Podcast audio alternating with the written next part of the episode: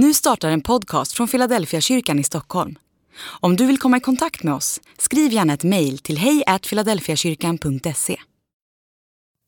Dag 128 Termodynamikens andra lag De elva lärjungarna begav sig till Galileen, till det berg dit Jesus hade befallt dem att gå. När de fick se honom där föll de ner och hyllade honom, men några tvivlade. Då gick Jesus fram till dem och talade till dem. Åt mig har getts all makt i himmelen och på jorden. Gå därför ut och gör alla folk till lärjungar.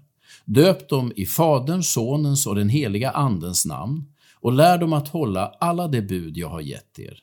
Och jag är med er alla dagar till tidens slut.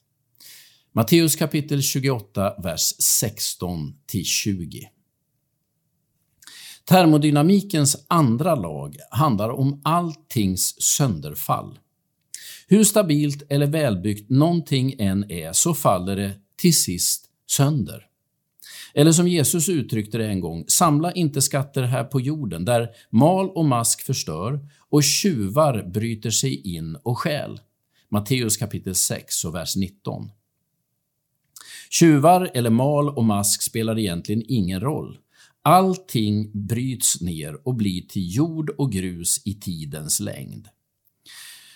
För tingen är det termodynamikens andra lag som dikterar villkoren.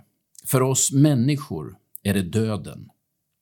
Människor har i alla tider letat efter ungdomens källa eller odödlighetens läkemedel utan att finna det.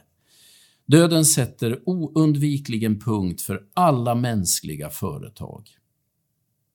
Men Jesus uppstår inte bara från de döda. Han besegrar själva döden. Jesus vinner inte bara livet tillbaka för sig själv. Han tar makten över döden. Det är som om själva naturlagarna måste böja sig för Jesus.